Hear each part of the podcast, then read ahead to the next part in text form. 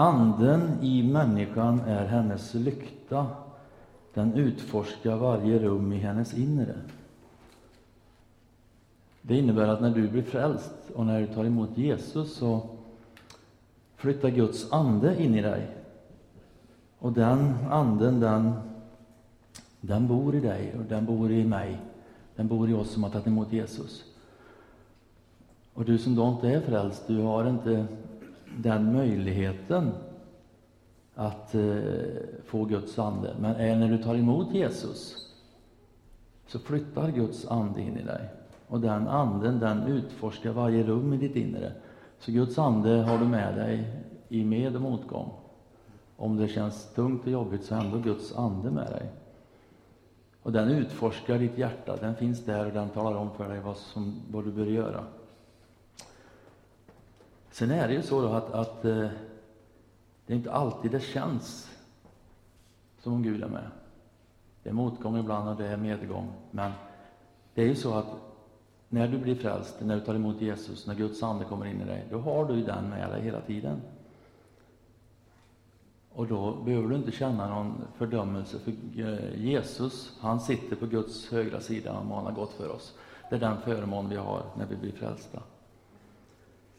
Sen får man ju då frågor, och man ställer dem själv också. Varför hör inte jag Guds röst? Varför är han tyst? Varför, varför talar han inte till mig? Jag har ställt dem många gånger. Jag har, jag har gått hemma och ropat ut, var är du? Och jag tycker inte han svarar. Men eh, det är det.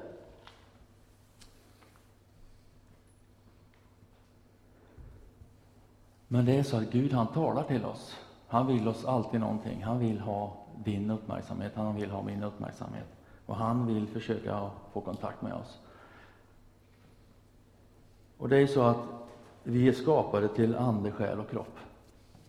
Vi har en kropp som har fem sinnen och där tar du in signaler. Och du har en själ. I själen finns vilja, känslor och tankar och sinnet. Här tänker du. Och de här, när du går då, så, så eh, uppfattar du ju massa signaler ifrån världen. Och sen har du din ande som då försöker att få kontakt med Gud. Men problemet är ju då att du har, det är så mycket som pockar på utanför. Det är så mycket som står på, TVn står på, radion står på. Allting vi gör blir i vägen för Guds röst. Och jag har samma problem. Jag har eh, fullt upp i vardagen och jag har fullt upp att göra. Ändå så är Gud där, men jag hör honom inte. Beroende på att jag har inte stängt av det som kommer utifrån. Och är du då inte troende, har du då inte tagit emot det här, så, så har du ännu svårare. Men när du öppnar ditt hjärta för Jesus, när du tar emot Jesus, så kan han tala in i din ande. Och, i, och anden är ju den kommunikationen mellan min, mig och Gud. Och det är där han vill tala in i mitt liv. Och sen är det så att Gud har ju omsorg om dig och mig. Han vill ju leda oss, han vill ju tala till oss varje dag så att vi kan få den eh, vägledning vi behöver. Och då säger du, men eh, jag tycker inte jag har det. Jag har inte, det händer mig så mycket saker.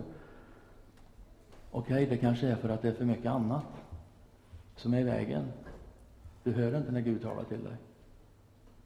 Och sen åker vi, och jag har gjort det också, och eh, har fått uppleva saker när jag kommer till andra platser, att det finns predikanter, profeter och profeter i den här församlingen också som vägleder mig. Men så bör det inte vara. Jag åkte ett tag och lyssnade på Birger Skoglund väldigt mycket. Det var jättebra möten. Och så ibland hade han ett ord till mig. Men egentligen så är det så här att Gud han talar direkt in i mitt hjärta. Jag behöver inte lyssna på någon annan. För att Gud är så suverän så han talar rakt in i min ande. För det står ju i Johannes 4 och 23, så står det så här.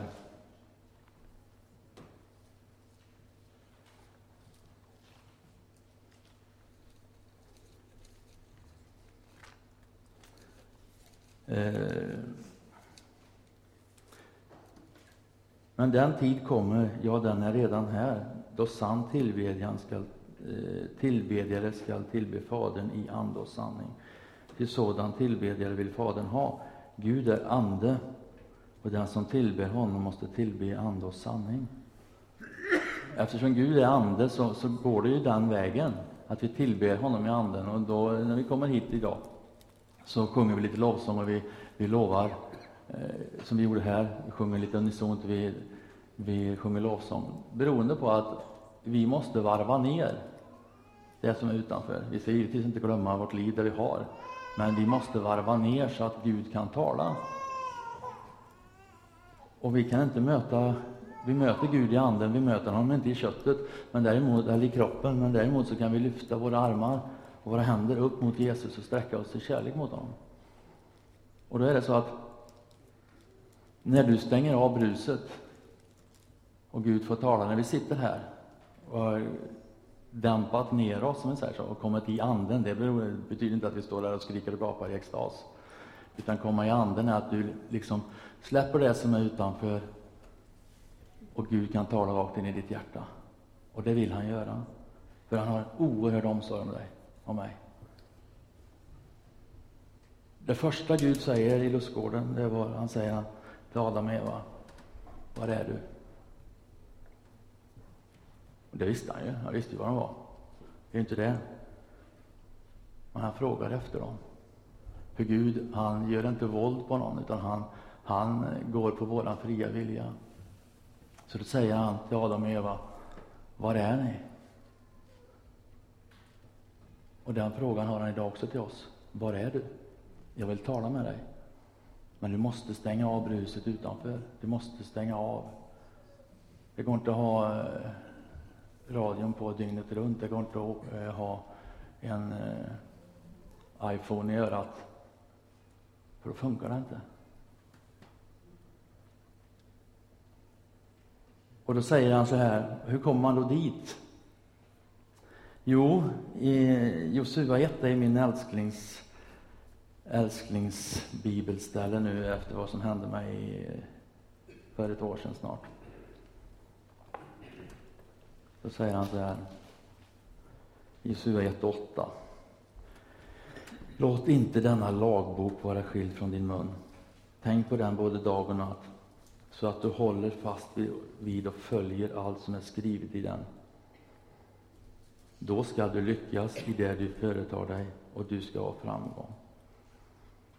Det är ett löfte där, att om vi läser Guds ord och följer det som står där, då ska du ha framgång.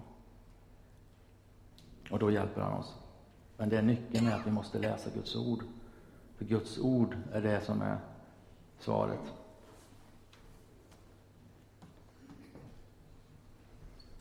Och sen då är det så att eh,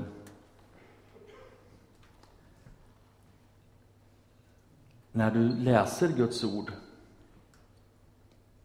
när du kommer dit där, säger, man säger hur, hur, hur, gör man då? Jo, du får sätta dig ner hemma. Gå undan lite grann, ta fram din bibel, sätta dig ner och läsa Guds ord och be. Vad händer då? När du då läser Guds ord, det här är ju inte, det här är ju inte eh, Stig Larsson eller de andra författarna, det här är Guds ord. Och det här ordet det kan resa upp döda. Det, det, kan hela människor. Och det är det du läser. Och när jag låg på sjuksängen i, i eh, Kenya så hade jag bara en enda bibelvers. Jesaja 53. Det var mina sjukdomar du bar. Och straffet var lagt på dig. Och vi skulle vara helade.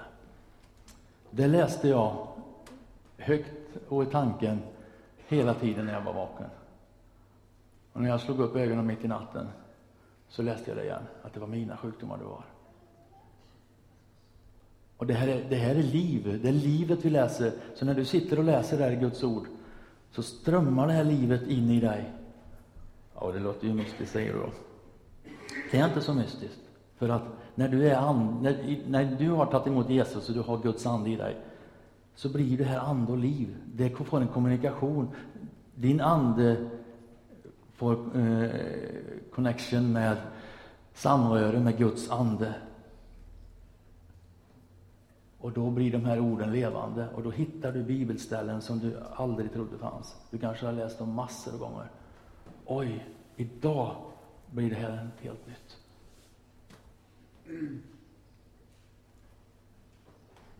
Och då, då är det rätt skönt att veta att de orden som vi läser då kan komma till, till nytta precis på den dagen. Precis när jag behöver dem den dagen så kommer de här upp i minnet. Precis de orden jag läste. Men det är jättesvårt att hinna dit. Det är jättesvårt att ta de här jag är ingen morgonmänniska. Jag är jätteseg på morgonen. Jag skulle behöva gå upp en kvart, 20 minuter tidigare för att sätta mig och läsa Bibeln på morgonen. Jag gör inte det, för att jag är för trött. Men då eh, har jag en fördel, fördel av att jag kan åka en bit med bil på morgonen där jag har mitt jobb. Då kan jag be och tala med Gud i bilen. Och de bästa stunder jag haft med Herren, bland de bättre, har varit i bilen. Där har Herren kommit så otroligt nära. Och nu har jag ju då blivit eh, singel på jobbet. Den killen som jobbade med mig har kommit in i skolan så att jag är ensam och då eh, har jag med mig ett litet Nya Testamentet. Så på frukosten där när jag käkar mina mackor där så läser jag lite ur Bibeln. Är du så fanatisk, säger de då. Nu får du skanna av. Så kan man inte göra. Men det är så att nu har jag gått bibelskola i två år. Och så lär man sig läsa Bibeln varje dag. Och då längtar min ande efter att få läsa Guds ord, för han är hungrig. När jag äter smörgås och kaffe så vill ju han ha någonting också. Och då, då läser jag lite Bibel där. Helsjukt, säger du då. Hur kan det vara så? Jo, det är min ande som är i kontakt med Guds ande. Och då längtar min ande efter mat. Och då, då är det så att när jag då sitter och läser där så har jag ju massa goda ställen som jag kan slå upp. Jag kan inte äta gräddtårta jämt, så då får jag fort, fortsätter jag och läser. Det finns ju massor av sköna, goda bibelställen. Och då när jag gör det så, så känner jag att wow, vad gött det här är. Ibland så, så måste jag ta en stund på middagen också då, för att då har jag hittat något, gått och funderat på någonting. Så jag måste fortsätta läsa. Men det gäller att ta tiden. Tiden att hitta de här små stunderna för Herren. Vad säger han då? Ja, man frågar lite till varje. Ibland är inte svaren så kul. Det kan jag ju säga. Han svarar inte alltid som jag vill. Det är ju så. Ehm, så har jag lite bråttom, har jag alltid haft. Ehm, Ofta så säger han att jag ska lugna ner mig lite grann. Och det är ju svårt. För jag kör ju, och jag vill att allting ska ske fort. Och då kanske det är så att, att det, jag, det jag då vill höra, det hör jag inte. Men sen så frågar jag så många gånger så till slut, då tror jag att jag hör att han vill det. Och så går jag fel. och det är det, det är det, som blir lite problemet då, när jag springer före. Eh, då, då, blir det ju eh, ett strul. Då får jag försöka hitta tillbaka och så säga att var var du då? Nej, du, jag var inte där. Jag var där borta och väntade på det att du skulle komma tillbaka till mig. Det är lite intressant. Och sen måste vi ju göra det säger, då. det är ju ännu jobbigare. För det har ju hänt då att eh, Gud uppmanar mig att göra vissa saker. Gå till människor och så här va. Det är jättetufft. Om jag går dit och frågar någonting. Jag kan ju bli ansedd som mindre förståndig. Eller också kommer det precis rätt. Det är det som är. Jag tror aldrig Gud, Gud våldför sig inte på oss. Att vi, han skickar oss inte till något ställe där det inte passar, utan han, han vet ju precis. Om du tar din telefon och ringer det, du får en tanke, så ringer du till honom. Och så, så är du rätt i det du gör. Och då känner man ju det också att om jag inte gör det så, så mår man ju inte så bra. Då har man missat en chans. Och det gör jag också. Jag missar chanser beroende på att jag inte är lyhörd. Man, man lär sig, ja. Jag pratade med en kille som, som hade lite tufft, och så, så sa han så här att rätt som det var, sa han, så, så ringde telefon. Och jag tittade på telefonen där vi satt i ett sammanträde och så, och så tog jag telefonen och så, jag sa jag måste gå ut och ta det här för det är ett nummer jag inte känner igen. Och så säger den personen i andra änden till min kompis och bara så att du ska veta att Herren har inte glömt dig. Det är bara det jag vill säga. Du är inte bortglömd av Herren. Nej, det var bra, sa han, för att eh, jag trodde nästan inte det var så. Och då fick han bara förmedla den hälsningen till honom. Och det lyfte min kompis. Wow, jag är fortfarande kvar på listan. Jag finns fortfarande med i Guds omsorg. Hur vet man då att det är Gud som talar? Att det inte är mina egna tankar? Oftast är det ju så att man känner det. Har du levt med Herren, har du, har du känt av Herrens, när han rör dig, så vet du att det här är Herren, det är inte något annat, det är inte jag själv som håller på. Och när Gud uppmanar att göra saker och ting så blir man lite sådär smånervös. Man får lite anhämtning som blir konstig. Man känner att oj, ska jag göra detta nu? Jag tycker inte alls det passar. Så får man göra det ändå.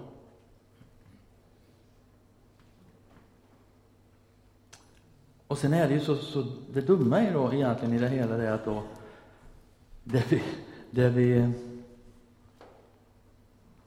vi förstör lite för oss själva ibland.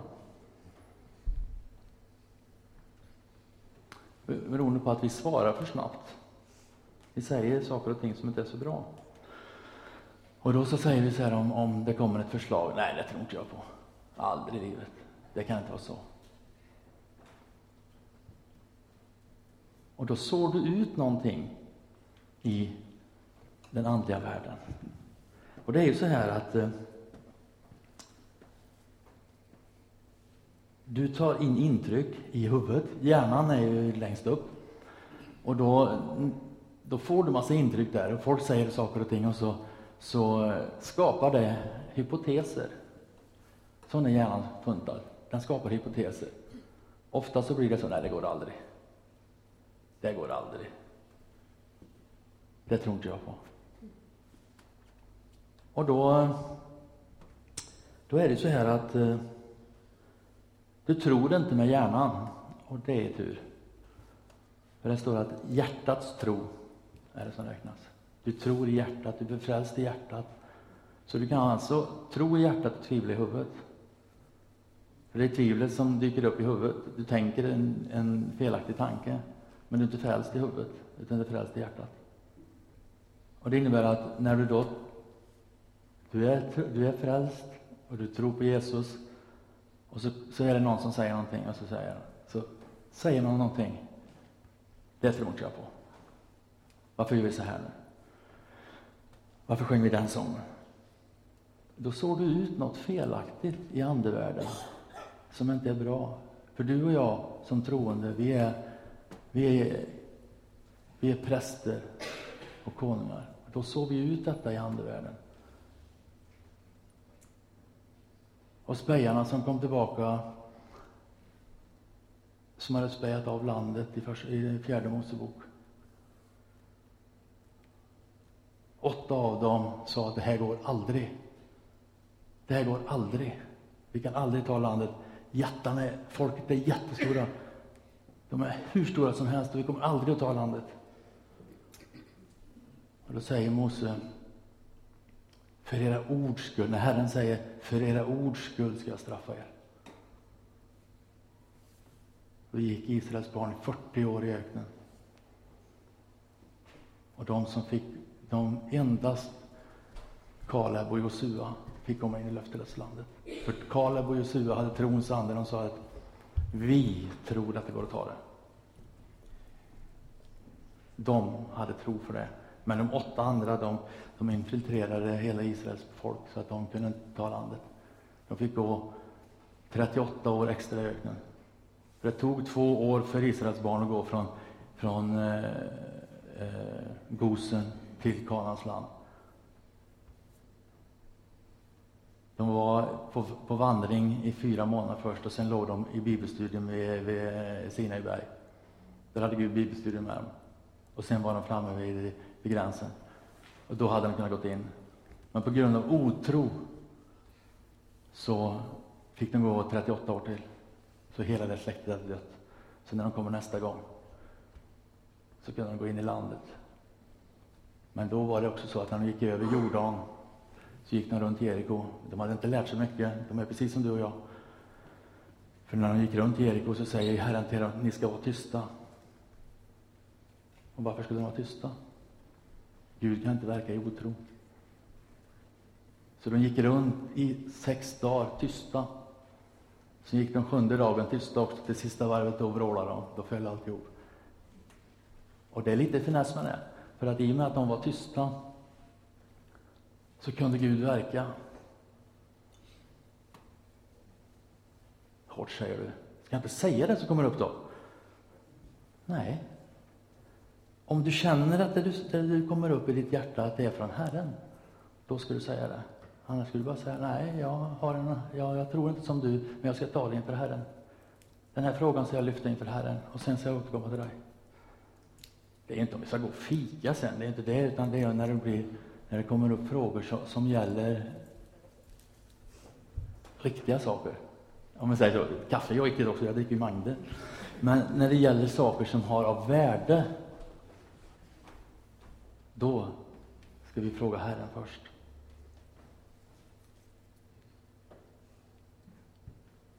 Vad vill då Herren med oss? Jo, det är ganska enkelt. Han vill att du och jag, han vill att du och jag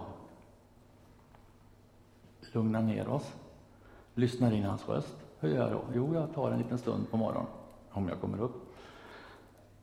Jag kanske var stålsatt men jag ge mig upp en kvart tidigare, 20 minuter tidigare.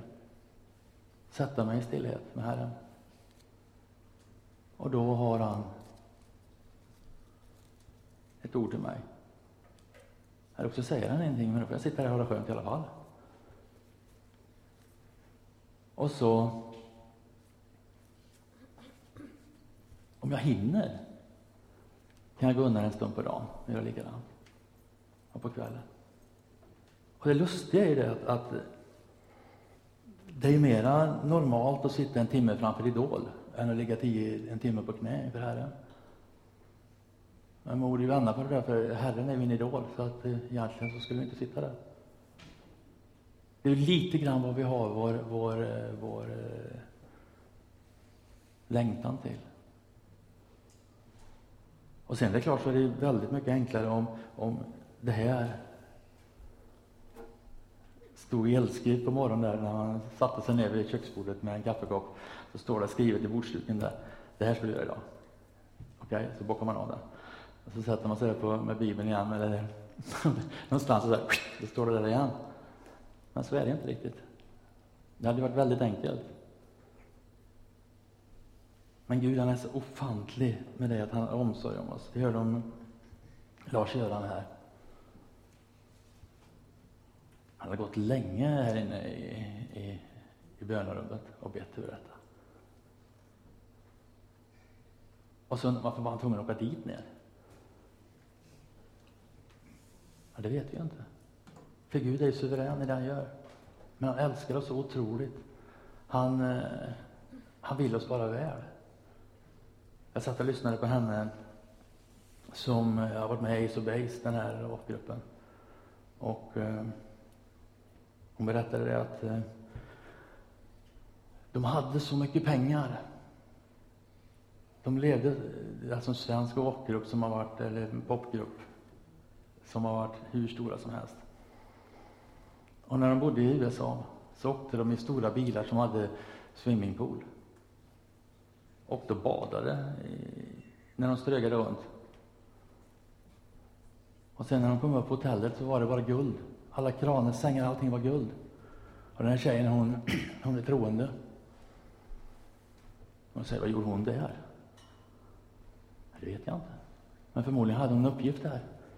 Hon säger när vi kom in på hotellrummet så var, det, så var jag så tom. För jag hade, jag hade, det var så, det var tomt i mitt hjärta. Så jag tar upp min bibel. Och så eh, slår hon upp psalm 139.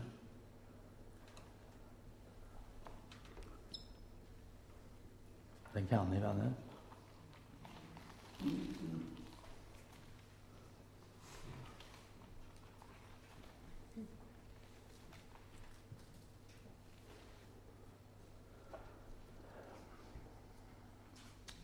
Så läste hon, slog hon upp den och började läsa. Så, stod det i, så står det i vers 9.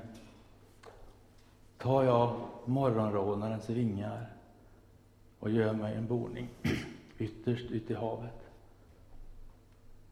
så skulle också där din hand leda mig och din högra hand fatta mig.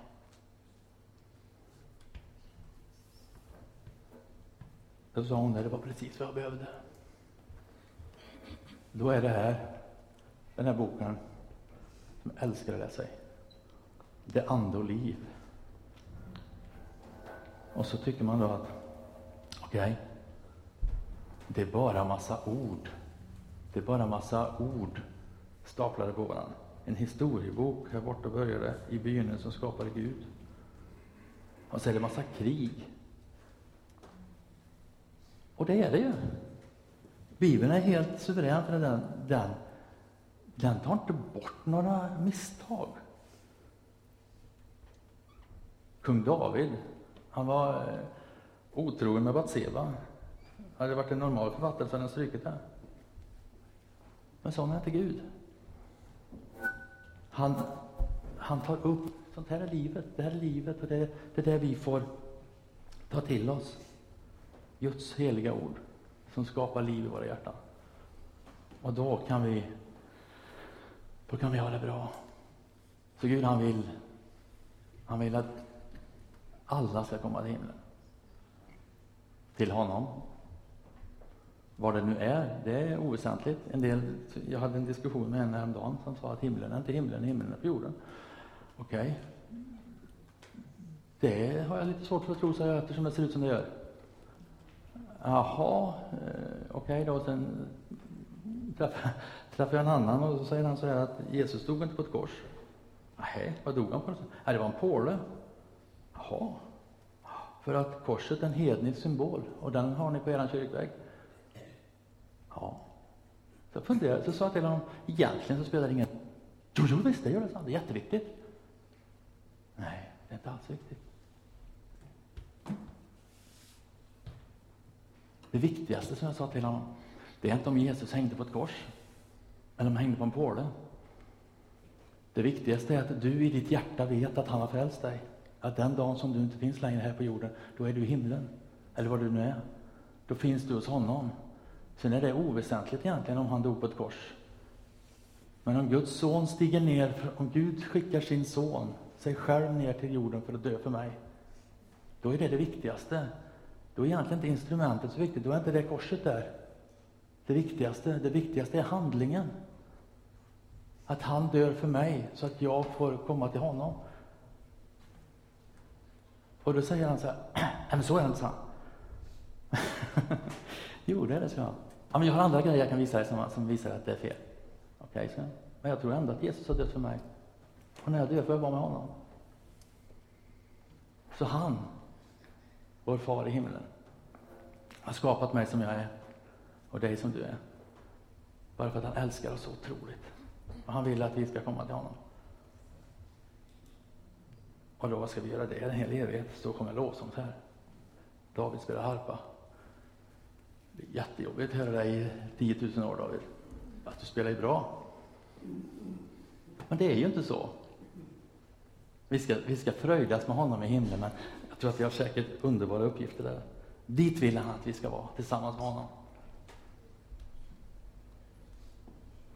Och när du tar emot Jesus i ditt hjärta så, så säger han så här, okej, okay, du får komma precis som det är. Och så tar han, så omsluter han dig där och så, dina, dina tillkortakommanden, dina synder och det som du har gjort som inte är rätt, det slänger han bort. Och när Gud ser dig så ser han bara Jesus. Då lyfter han upp sitt blod så här framför dig. Och det det han ser då, far. Han ser inte dina synder, han ser Jesu blod. Och där står det friköpt. Han är min. Och det vänner, eh, där vill han ha alla. Där vill han ha alla. Alla människor vill han ha där. Men vi måste göra ett val. Vi måste välja. Ta emot Jesus. Herre, jag ber att ditt ord, Jesus, ska få vara i människors hjärtan. Jag ber att ditt ord, Herre, ska få tränga in. Jag ber att din heliga Ande ska få följa mina vänner här den här veckan. Herre, du ser var och en av oss. Du ser in i våra hjärtan. Du ser vad vi tänker. Du ser det liv vi lever. Herre, låt oss få vara ledda av dig. Låt oss få ha så pass kurage så vi stänger av tv, radio och allt Jesus och sätter oss med dig en stund. Precis som du sa till Maria, ett är viktigt.